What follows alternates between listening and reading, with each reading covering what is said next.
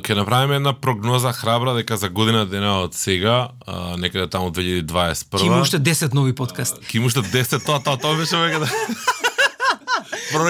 Да.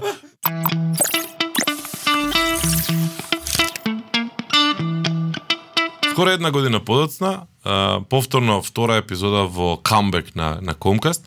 А, Мите повторно со мене заедно во, во студио и повторно тема на Муабет подкасти. А, тогаш најавивме некои работи, зборнавме некои работи дека ќе продолжиме со Муабетот за, за, за подкасти и еве не а, во новата форма, да речеме, на Комкаст, каде што аудиото решивме да биде главна.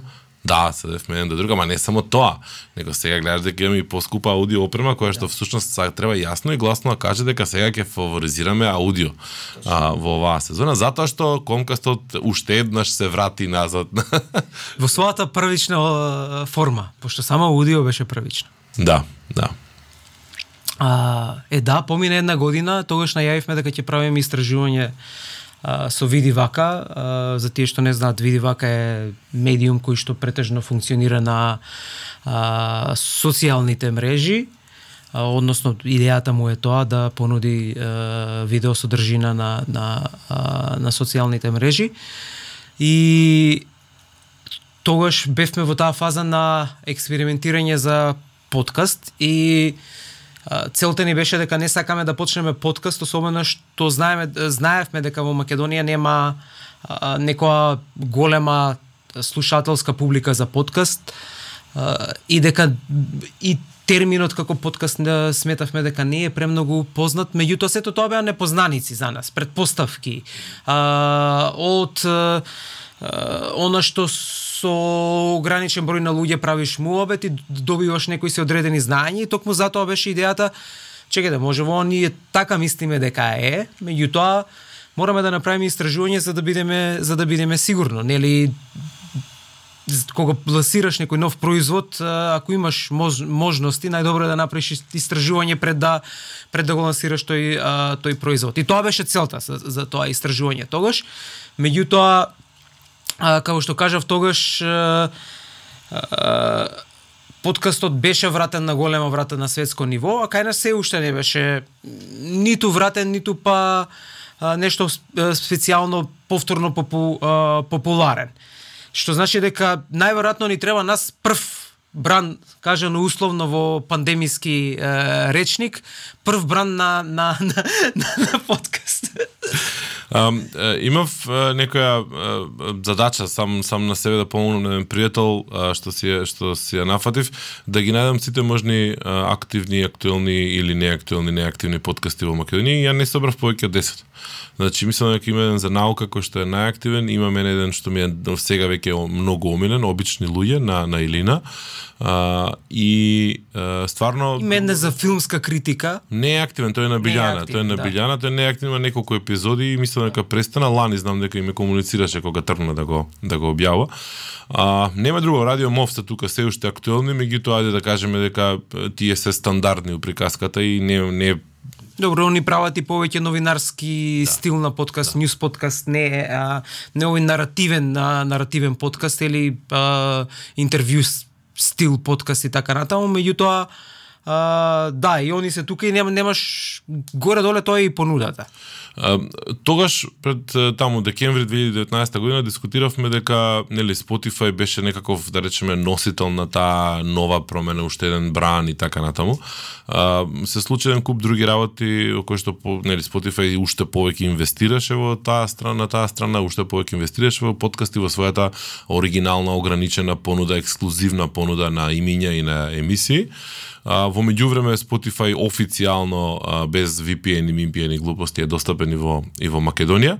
А, кога го направивте ви истражувањето и да речеме ајде вака, а, која беше а, предпоставката и кои се првите работи што а, може да ги споделиме како информација? Тоа е најбитното нешто и ќе биде интересно кога ќе го видите твистот подоцна, односно превртот што ќе што ќе се случи, значи истражувањето почна некаде март месец нешто пред да, да не затворат дома и го трнавме како теренска а, а, како теренско истражување затоа што нели обично се зборува дека теренското понекогаш е, може да даде поквалитетни резултати од а, телефон, телефонската анкета.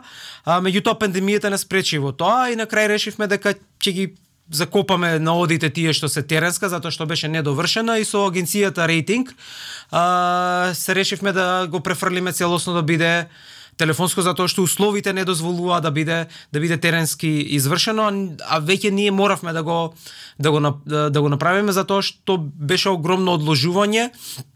И интересно беше што а, ние почнавме еден подкаст токму за пандемијата, без при тоа да го имаме истражувањето. А тоа ни беше нас целта на почетокот. Не сакавме да почнеме подкаст пред да имаме истражување, меѓутоа ни се случи тоа што ни се што ни се случи, ние а, успеавме да направиме една серија од од, од подкасти, а, од серија на од 8 епизоди на на подкаст.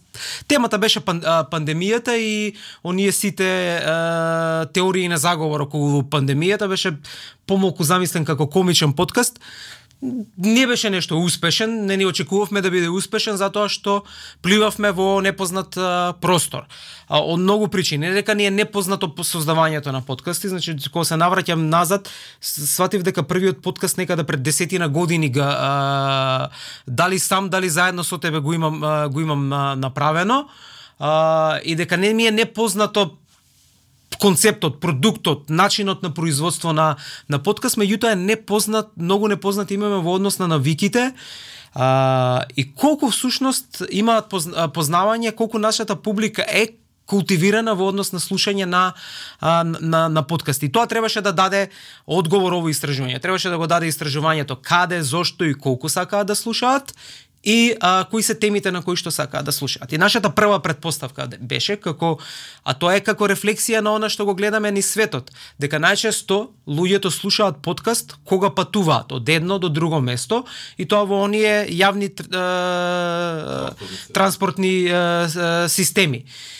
А, и ние од тука ја трнавме цел, цел, целото истражување. Трнавме да дознаеме првен колку луѓето патуваат, колку најчесто колку користат јавен транспорт и колку долго се задржуваат. И сега нашето истражување покажа дека а, а, луѓето кои што патуваат има две категории. Едни кои што патуваат помеѓу 15 и 30 минути и едни што патуваат помеѓу 30 и 60 минути. Во проценти е 45% од тие што патуваат а, патуваат помеѓу 15 и, и 30, останатите помеѓу 30 и 60 а, се изјасниле дека патуваат.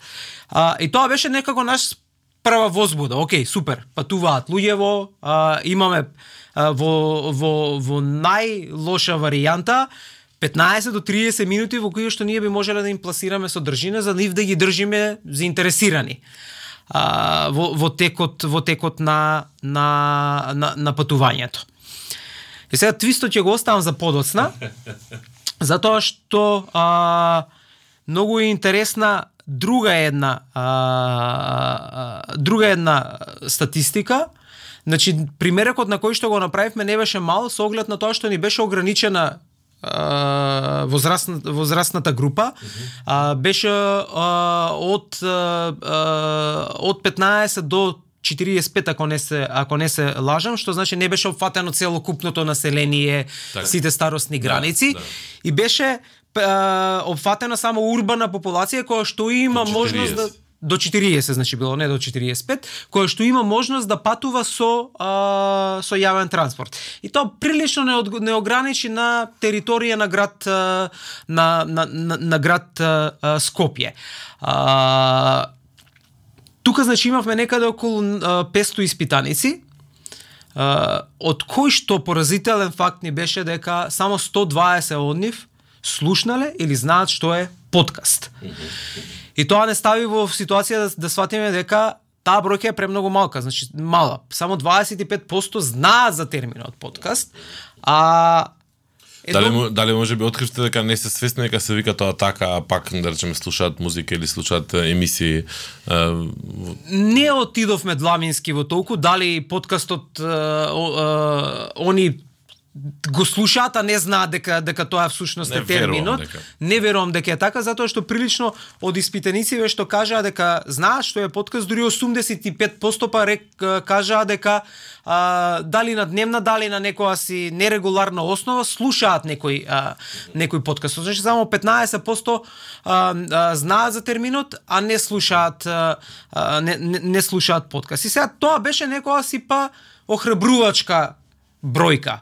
Затоа што тие што знаат што е подкаст, во висок процент а, а, се решаваат да а, а, да да слушаат. А, Да, еве го, го читам бројот. 66% од испитаниците што се запознаени со терминот одговориле дека слушаат подкаст, што секако е окей. Да. Мислам, И сега да има да, нормално најверојатно и ваја очекувана бројка беше дека кај на младите испитаници од 15 до 21 година е најголемото а, а, познавање на темата а, на темата подкаст. И тоа ни беше наша целта, реално.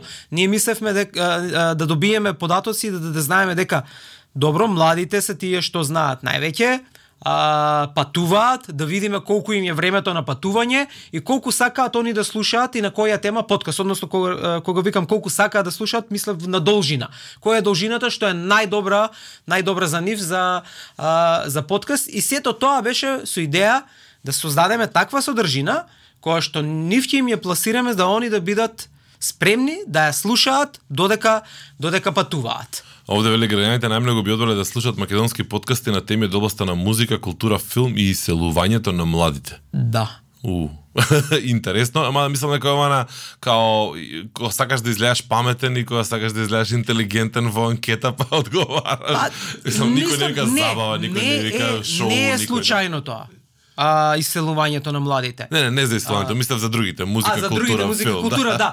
А иселувањето на младите е многу интересен податок што се што а, се случува и тука, затоа што и на едно истражување, не за подкасти, туку генерално за за за вести во соседна Србија, а, една од главните теми на која што сакаат информирање, дополнително знаење и што се случува а, на, на таа тема е токму иселувањето на младите во, во Србија, што интересно беше што се преслика а, таа тема како интересна за а, а, за самата за самата а, Интересно, ајде да ме, значи сега ни се смалува примерокот тука според истражување. Некаде околу 120 луѓе имаме што 120 слушаат. луѓе што слушаат. Да, и сега врз основа на тоа затоа што Да. тие другите не се веќе интерес. Не слушаат подкаст, за нив други прашања имаше кои што не се од интерес за тука. Так. А, и сега гледам онака како најголем процент од епизодите одговори дека епизодите епизодите најчесто ги слушаат до самиот крај. Оптимална Да. должина за емисии не е подолго од 30, 30, минути. Да. најчесто пристапуваат до подкаст емисии директно преку директен стрим на интернет. Во смисол не ги даунлодираат, тоа тоа се подразбира туку ги Да, директен стрим, да не ги даунлодираат, да. А, само назад да се вратам малце. Ајде. Она што е поразително, а, исто така, а, меѓутоа што дава по огр- ог- огромно поле, а, покажува дека е празен пазарот, е тоа што од овие 85% од тие 120 испитаници, да. кои што кажале дека знаат што е подкаст и кои што кажале дека слушаат ако не регула, ако, ако не секојдневно барем на нерегуларна основа подкаст, само 18% од нив рекле дека слушаат и македонски подкасти. Па нема што да слушаат. Е сега тоа може да биде и таа причина, да, дека нема понуда, па нема ни по, нема ни нема ни побарувачка, меѓутоа тука па лебди прашањето колку само понудата може да ја А добро знаете, прашате што слушаат или не? Мислам Да, дали ја- знаеме на пример дали се тоа американска, британска продукција или се На- на- регионална? А, најчесто е најчесто американско или западноевропска Так. би рекол западно западна хемисфера прод, а, продукција. А, најчесто се се се оттаму, меѓутоа она што е а, исто така интересно да се спомене е дека а, младите обично слуш, би сакале да слушаат на тема музика. Покрај оваа главна она, она сериозна тема што би што ја кажавме за иселувањето на младите, некако нај највеќе инклинира а, кон слу, а, слушање на подкаст на музика, што го одговарам можеби малци на твое прашање дали слушањето а, на некоја музичка емисија они го сваќаат како подкаст или не.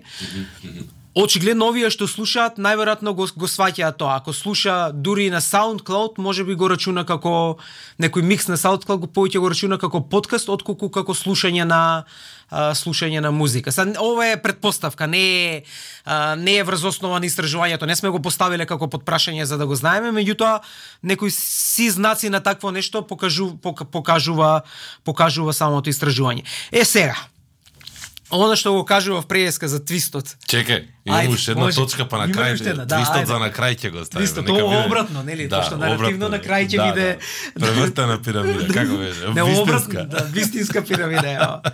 Босанска. А, значи, гледам некоја бројка 47 наспрема 53% на луѓе што би платиле а, за подкаст. Е сега 47% би платиле, 53% не би платиле. Што да речеме дека е тука некаде пата пата на два тројца се разликува у, од бројот на испитаници.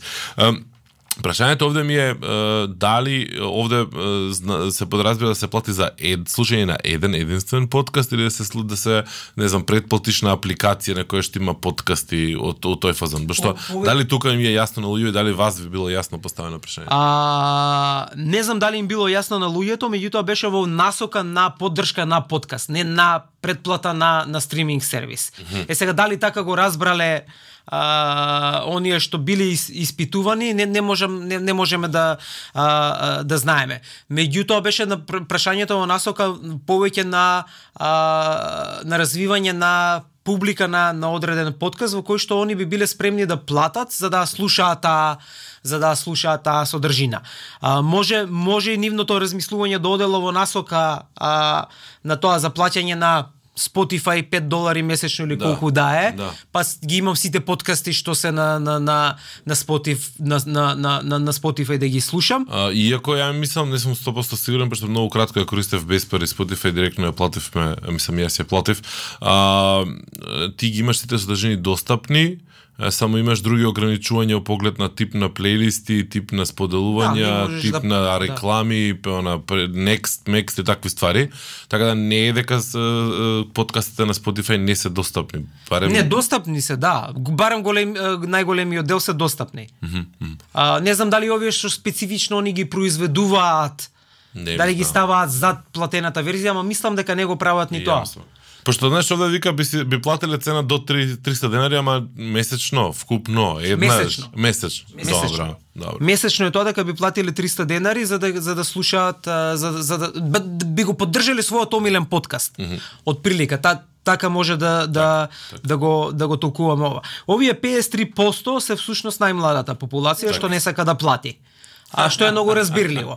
А, затоа што не се економски моќни да да би плаќале а, а, за подкаст, овие 47% се најчесто а, над 25 години кои што веќе имаат платежна а, моќ и кои што освен забавен карактер сакаат да да слушаат а, а, повеќе а, информативна или а, подкасти кои што подразбираат едукативна а, а, содржина. Нешто од нешто што би научиле, а, што би а, што би научиле за разлика од овие 53% кои што не сакаат да платат и најчесто преферираат тоа да биде а, а, музика во комбинација со интервју.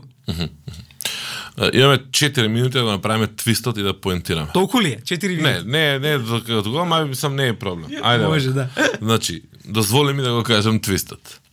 Најголемиот процент, не, повеќе од половина испитаници, 65%, најчесто слушаат подкаст додека се дома. Точно. Ете, тоа беше твистот и затоа се битни истражувањата.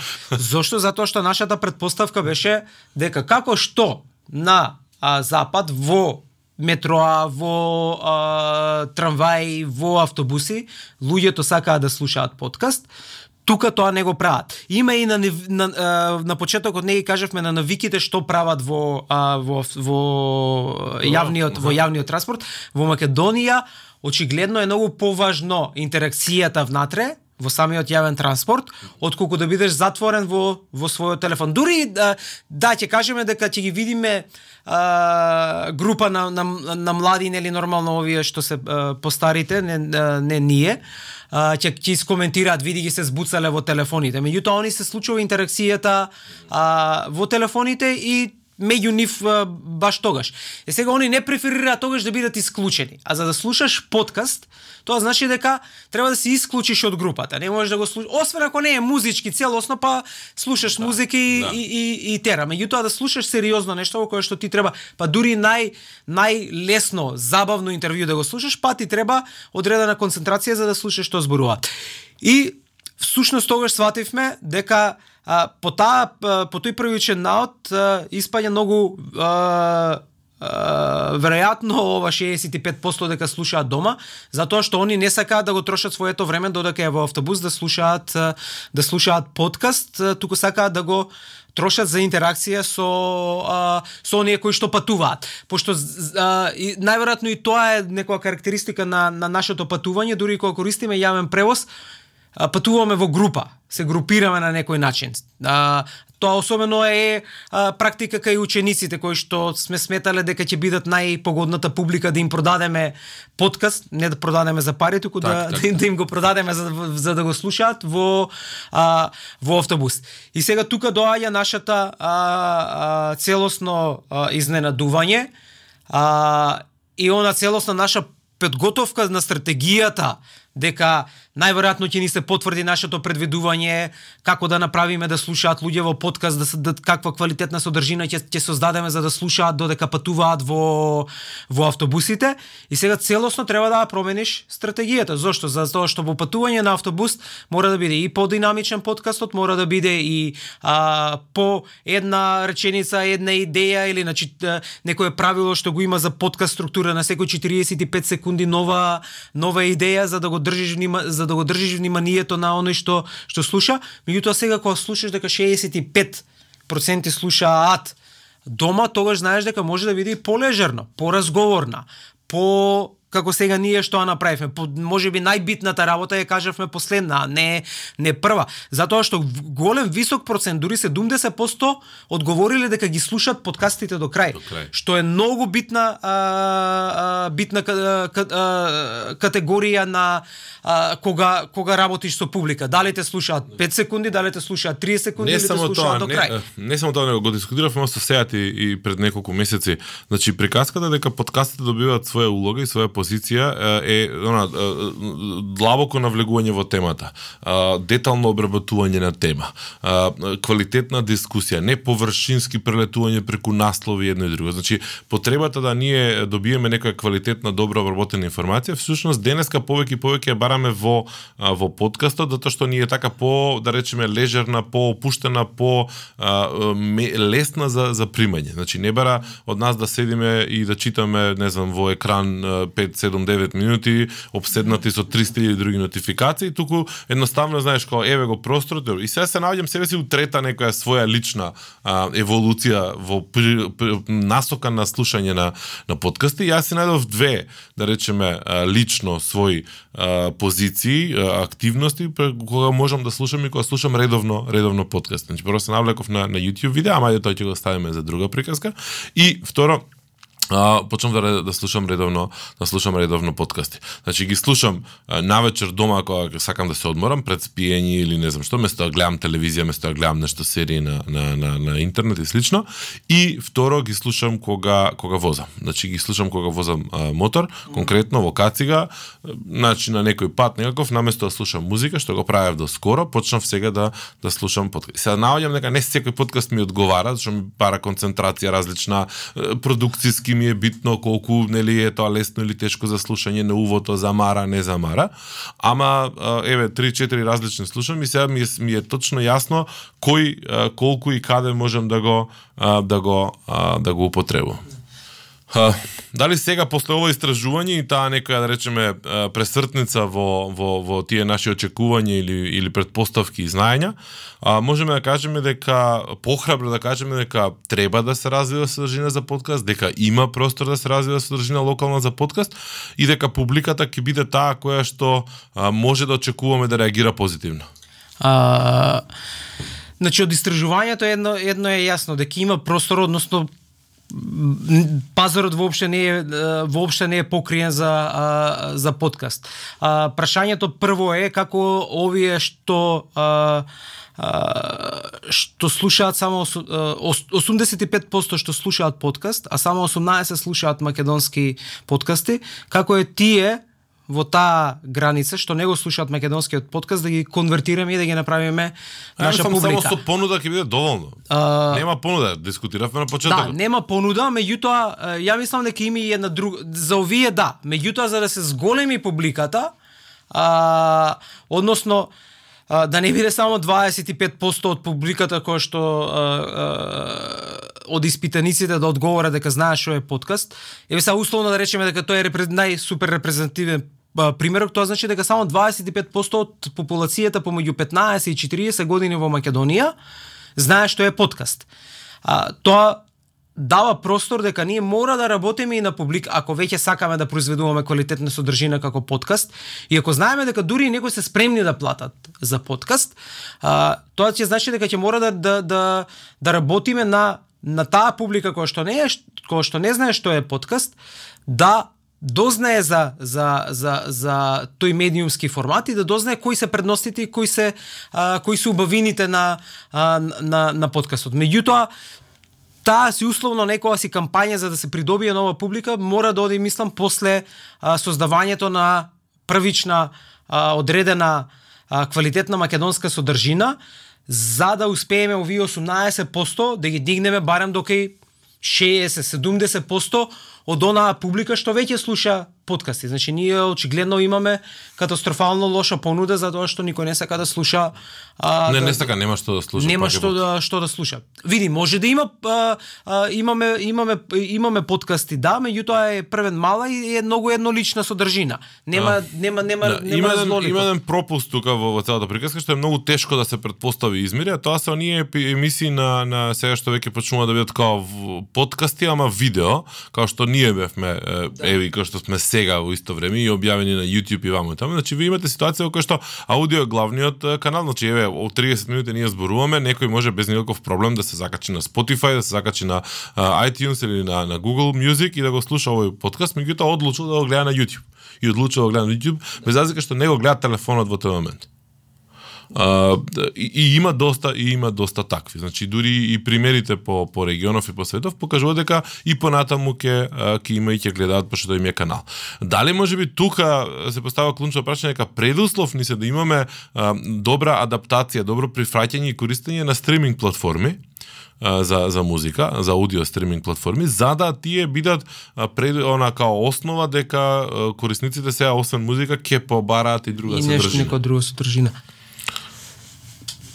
Би зборувал она од без не, некоја си сериоз, сериозна подлога реално за, за тоа, повеќе од а, гледање на процесите како се како се случуваат. А,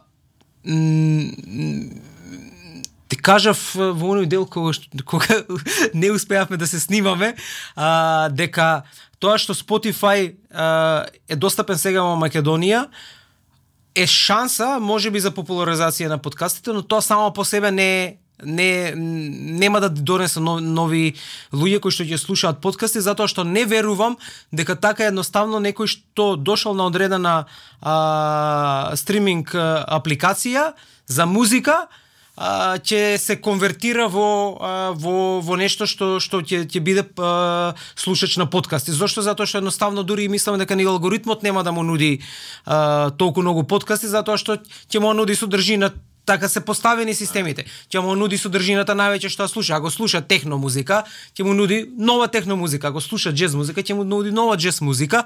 И не знам, освен некои си ако имаат генерално э, идеја да да прават э, бомбардирање со со нивната содржина Spotify која што е а, они вложуваат огромни пари за специјални подкасти кај нив да се да се да се слушаат, тогаш може би. И да со оглед на тоа што привлекуваат некоја си малце сомнителна публика, не сомнителна публика, сомнителни а, овие Водители, водители и автори а, кои што да, се малтене во голем дел од светот банирани не може да да објавуваат никаде Spotify некако ги привлекува сега за да Види, ја мислам дека тие ликови постојат за да ми изградат посета и, и гледаност на различни сервиси. Си ја завршија својата работа на YouTube, Facebook и така натаму, сега нарете на Сега на, на Spotify, Spotify да му ред, завршат да. работа, па ќе дојде ред Да. после за година денес Как- Spotify ќе воведе е, цензури, е, мерки, политики, бла бла само да ја дигне публиката прво, после ќе ви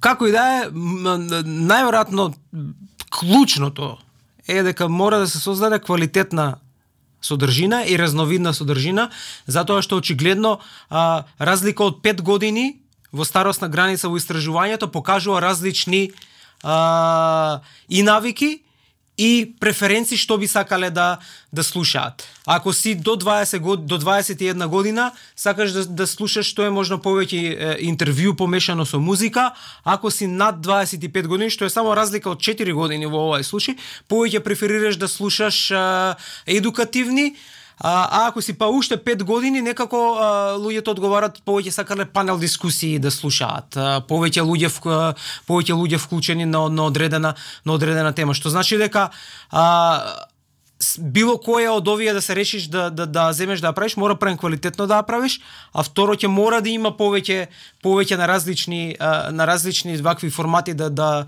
да произведуваат содржина за да опфата што е можно повеќе публиката, пошто е очигледно сериозно фрагментирана.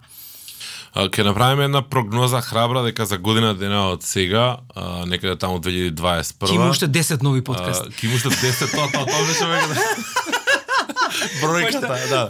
Значи до година се уште 10 нови подкасти. Сега и колку изброавме? 10 дека Да, се отприлика да, некаде. Значи Да. во 2021 октомври, ноември очекуваме да има 20 нови, о, ва, 20 вкупно подкасти во Македонија, односно 10 нови подкасти. Те држам за зборбите. Да. А еве ние еден ќе направиме, ќе придонесеме.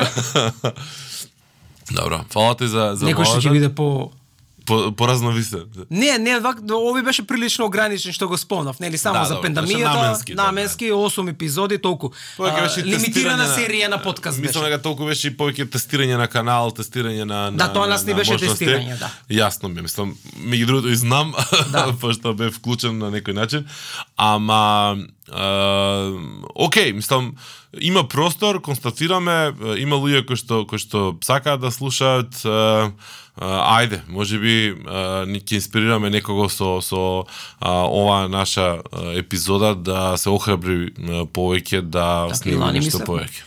Па види сега, ете, Испадна барем два се од два, да, да, да, оваа година на 10 идеме. Малце Да. да. похрабри. Фала ти за гостувањето, Мите. А, Е, ти- До некоја следна прилика. Да. Поздрав. И слушајте подкасти. Нормално, слушајте подкасти и Комкаст, и претплатете се на Комкаст, на сите можни платформи аудио таму некаде ги има, гледате на комуникација. Spotify, Google Podcast, Apple, iTunes, ова, iTunes, све има. Енкор, Енкор. Енкор, Значи да. RSS feed имате ако сакате, ако сте алтернативни. Ако сакате може и на комуникација.нет И да да хипстер си читате. сега ако имаш RSS. И имам. Да. Има на Анкор го дава Да, и да, RSS да. feed. Хипстер си. И нормално, сега ако веќе ништо од ова друго не успеаме да ве убедиме да направите, тогаш сабскрајбнете се, лайкнете на YouTube. Мислам сега. Тоа е. Да. Ајде, чао. Чао.